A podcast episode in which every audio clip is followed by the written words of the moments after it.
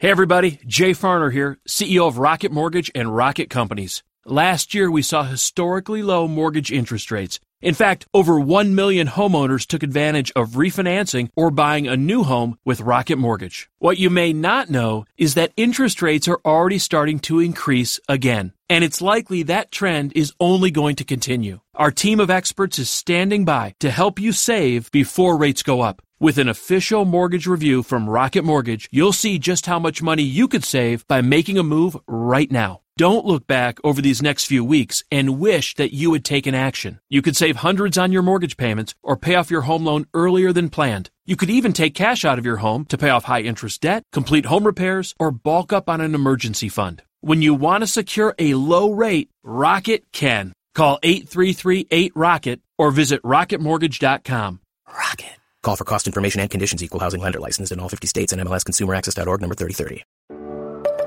This is what matters most, and I'm Matt Popovits. Look, life is crazier than ever, and lots of people, maybe even you, are feeling anxious and overwhelmed. Today's message is designed to help you figure out what's most important and to experience the peace and joy that God intends for you. Because life is a gift, and it shouldn't be wasted on worry. I'd like to give you a resource, something to help you navigate the road ahead. Just go to mattpopovits.com, click on the icon, and we'll send it to you. That's Matt, P-O-P-O-V-I-T-S dot com.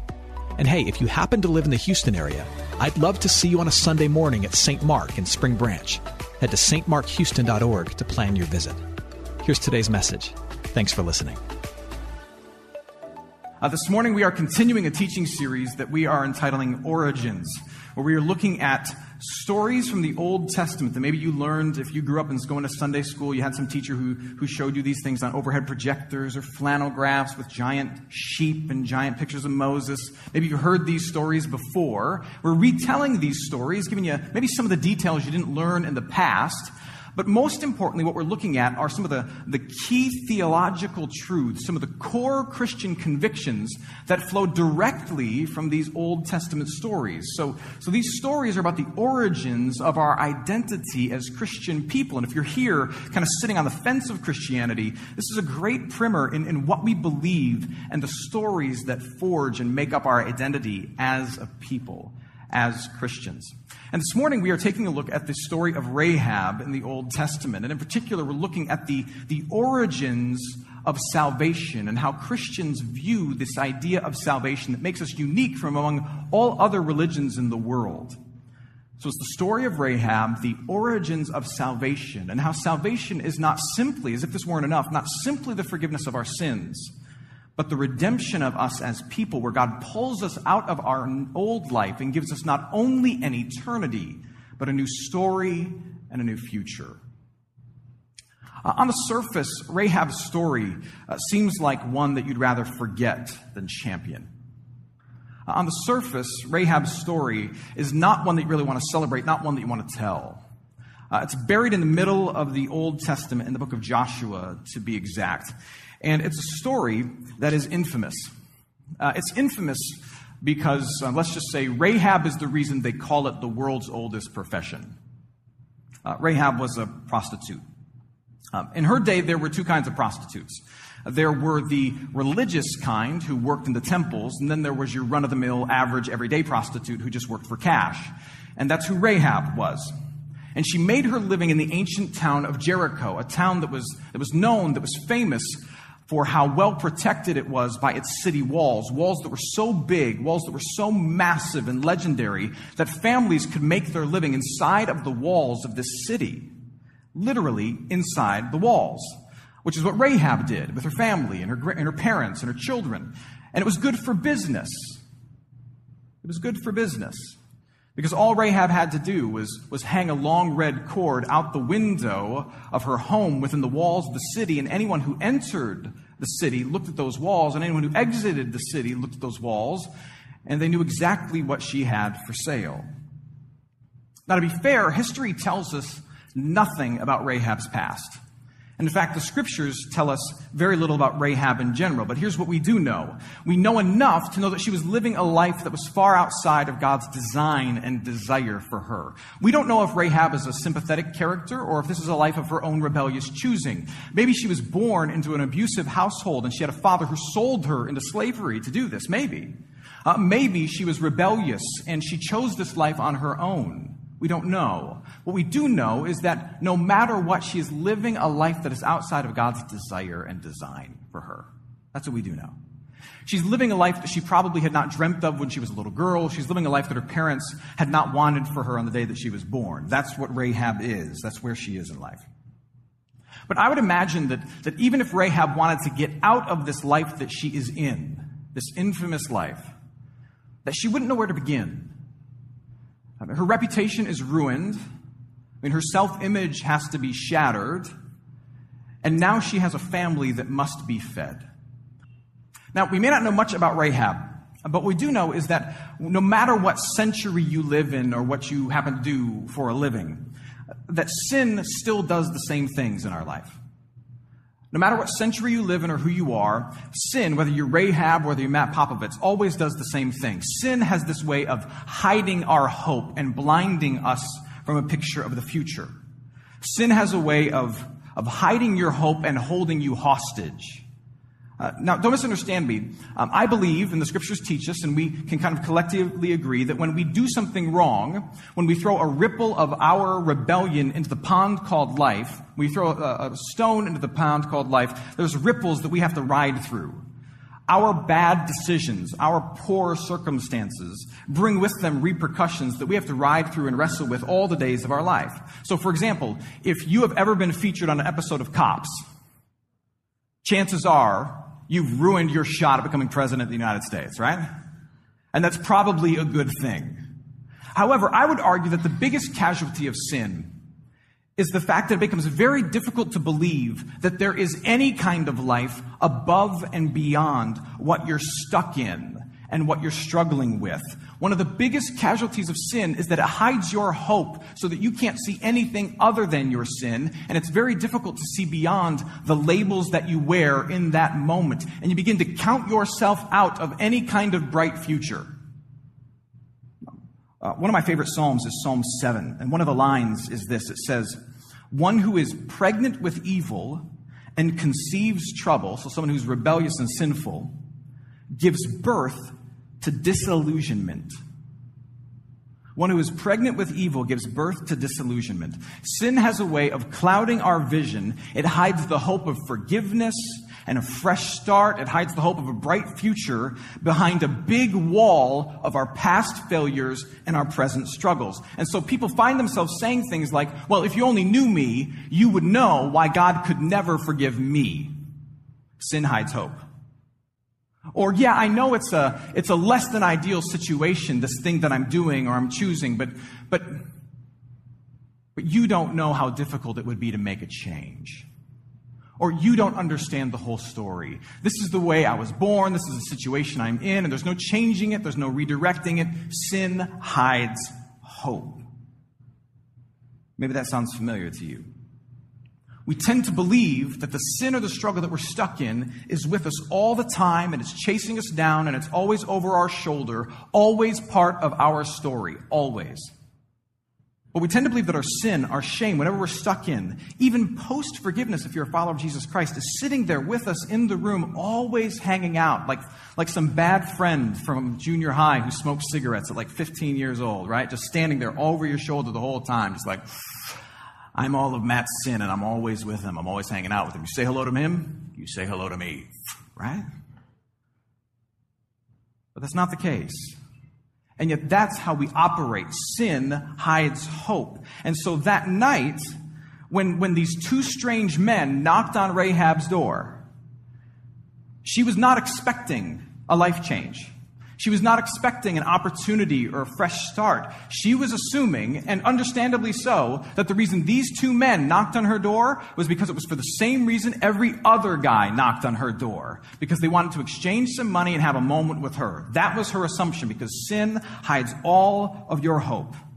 Now, pause that idea for a moment and understand the context of history. At this particular moment in history, God's family, the Israelites, they were numbering in the hundreds and hundreds of thousands, likely somewhere between 600 and 800,000 people. And God was in the process of fulfilling a promise of granting to them a land of their own by giving to them certain cities. So they were wandering around, and God would say, That city is yours, take it, or, or, That city is yours, take it. And sometimes they took these cities peacefully, and other times by force.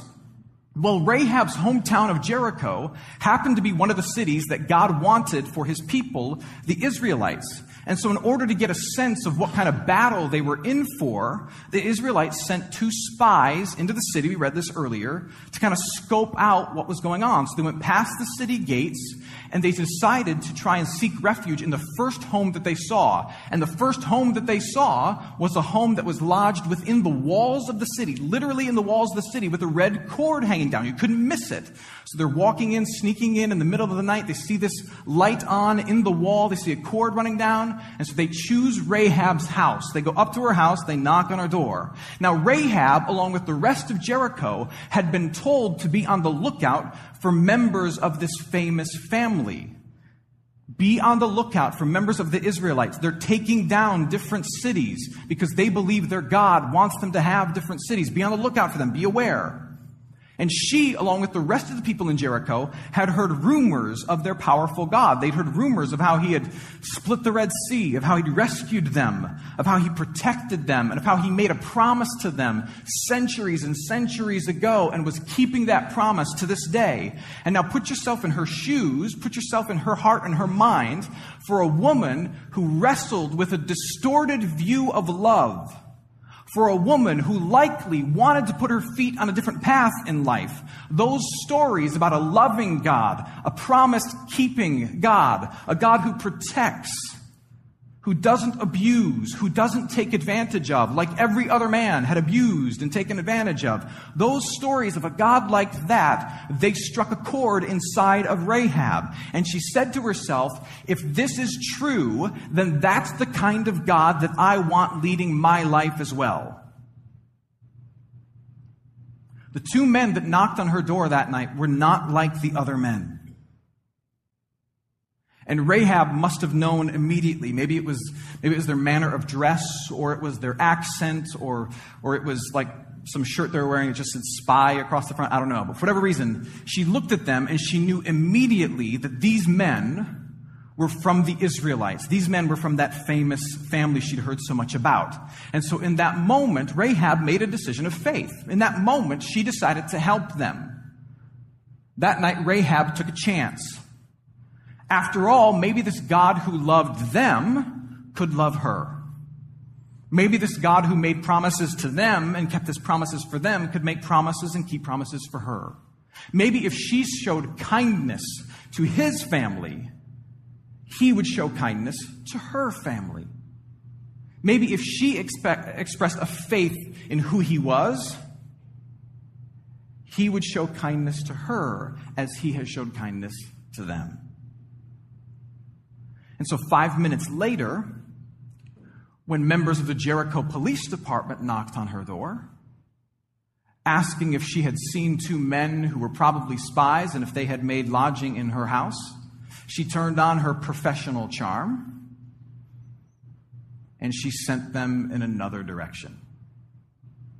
And those two men from God's family hid out on her roof.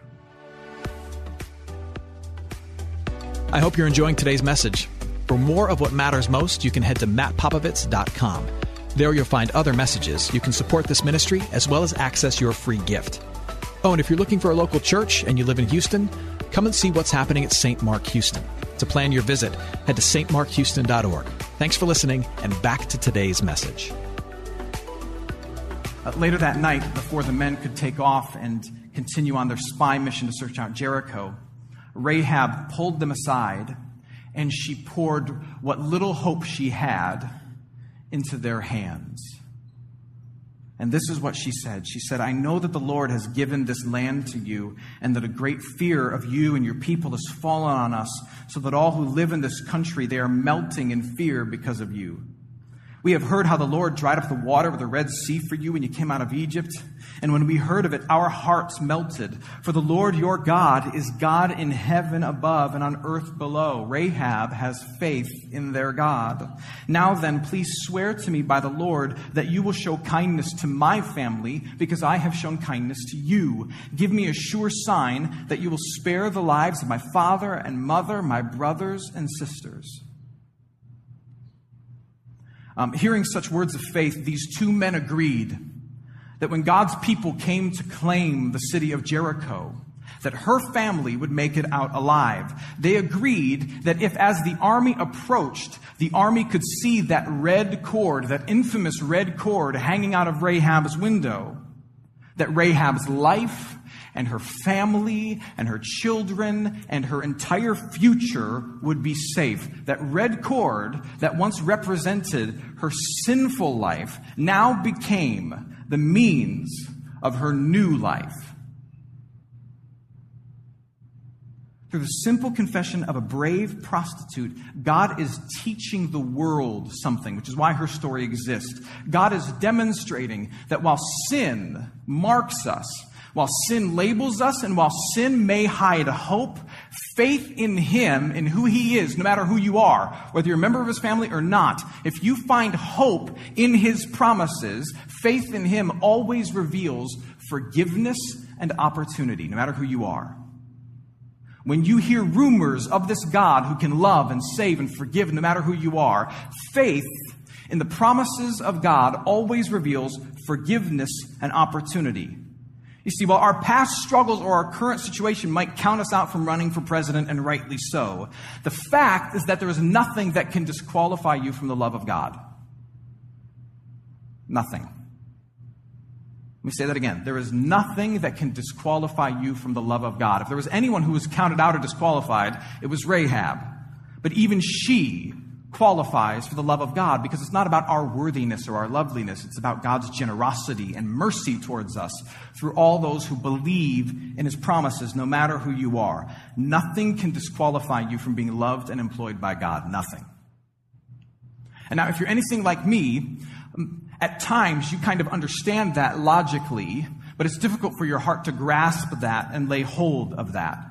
And so, what I want to do is just illustrate this for you in another section of Scripture of just how wide and high and deep the love of God is for you, no matter who you are. Psalm 103, verses 10 through 14.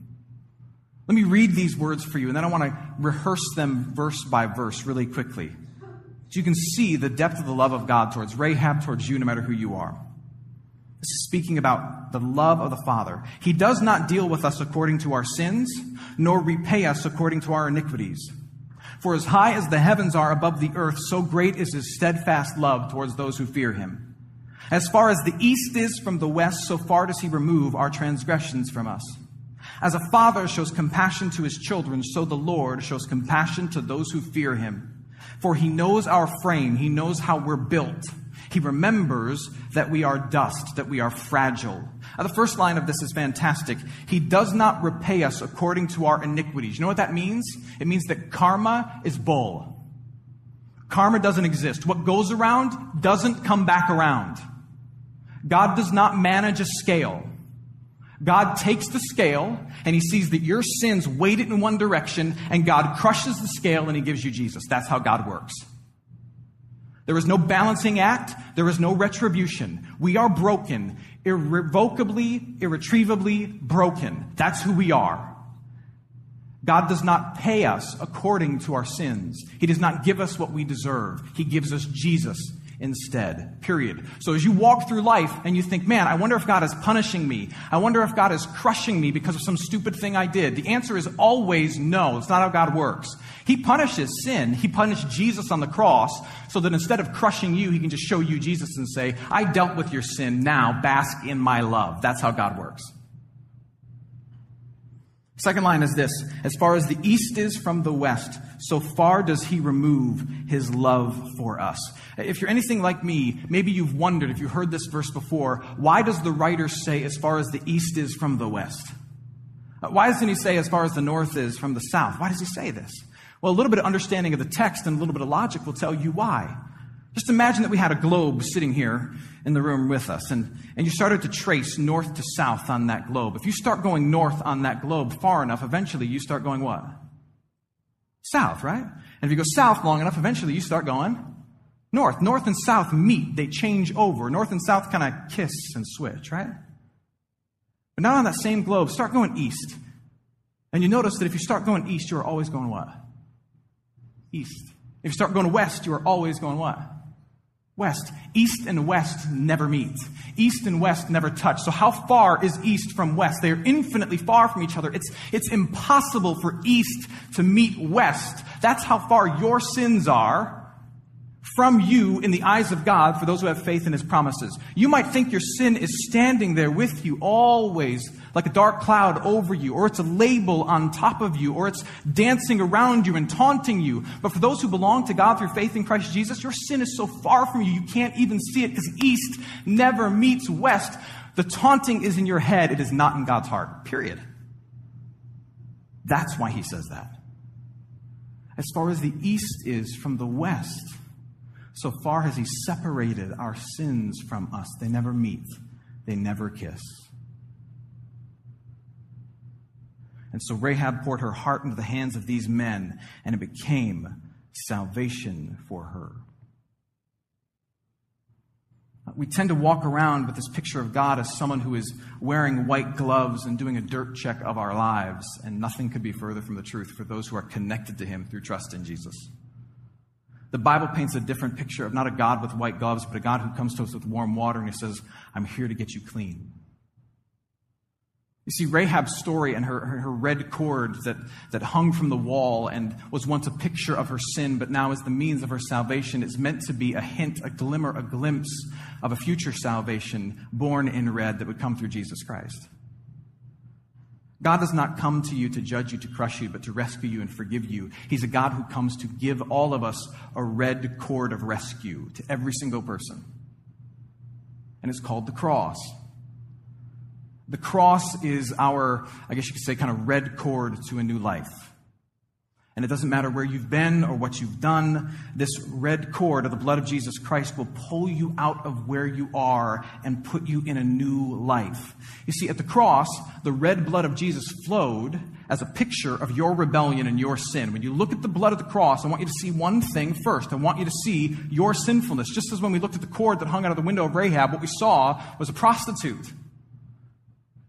And when we see the blood of Jesus Christ, what we see is our sin and our brokenness and our misapplied love that goes in all the wrong directions with all the wrong intensities. See that. But when you look at that cord of blood that flows down from Jesus' hands, I also want you to see a sacrificial death that covers over your sin and rebellion a blood that now marks you as protected, as belonging to God, a cross, a red cord that is given to you to lift you out of your old life the way that rope lifted Rahab out of hers and into a new life as God's forgiven member of his family. And know now that when God looks at the walls of your life, he does not see you as a sinner. He sees you as one who belongs to him. Just like when that army marched to Jericho and they saw the red cord hanging, they didn't say, Hey, look, there's a prostitute. What they now looked and said was, Hey, look, there's the woman that belongs to us. Let's save her and rescue her and not let judgment fall on her. So now when God looks at you, he sees the red blood of Jesus Christ, but he sees it not just as a symbol of your sin. He sees it as one who is marked and protected. And he says, let's not let our judgment rain down on him or her. They are one of us. See, Rahab's story is a picture of our story. It's the origin of salvation where your sin becomes the means of your new beginning, and you are marked as a member of God's family, and He gives you a whole new story. And God did give Rahab a whole new story.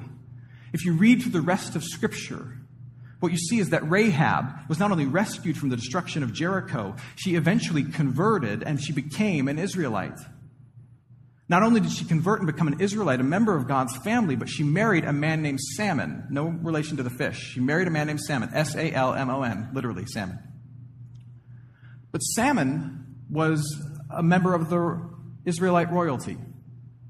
So Rahab married into royalty in the Israelite family, became a member of God's family, and her great great grandson was King David which means one of her great, great, great, great, great, great, great grandchildren through Joseph was Jesus, who would become the red cord of redemption and salvation for every single one of us. He not only saves you, he pulls you out and he makes you part of a much, much, much bigger story. Doesn't matter who you are, there is hope. Doesn't matter who you are, there is forgiveness and opportunity. It doesn't matter who you are, there is a new story that God pulls you out of the old one and puts you into a new one. And if you don't believe me, just read the story of Rahab and understand the origins of salvation. Hey, it's Matt. I hope you enjoyed what matters most. Here's what I need you to know life is a gift, and it shouldn't be wasted on worry. I want to help you figure out what's most important and to experience the peace and joy that God intends for you. So, for more content, you can head to mattpopovits.com. That's Matt, P O P O V I T S.com. There, you can also support this ministry as well as access your free resource, a little something to help you navigate the road ahead. I'd also love to see you on a Sunday morning.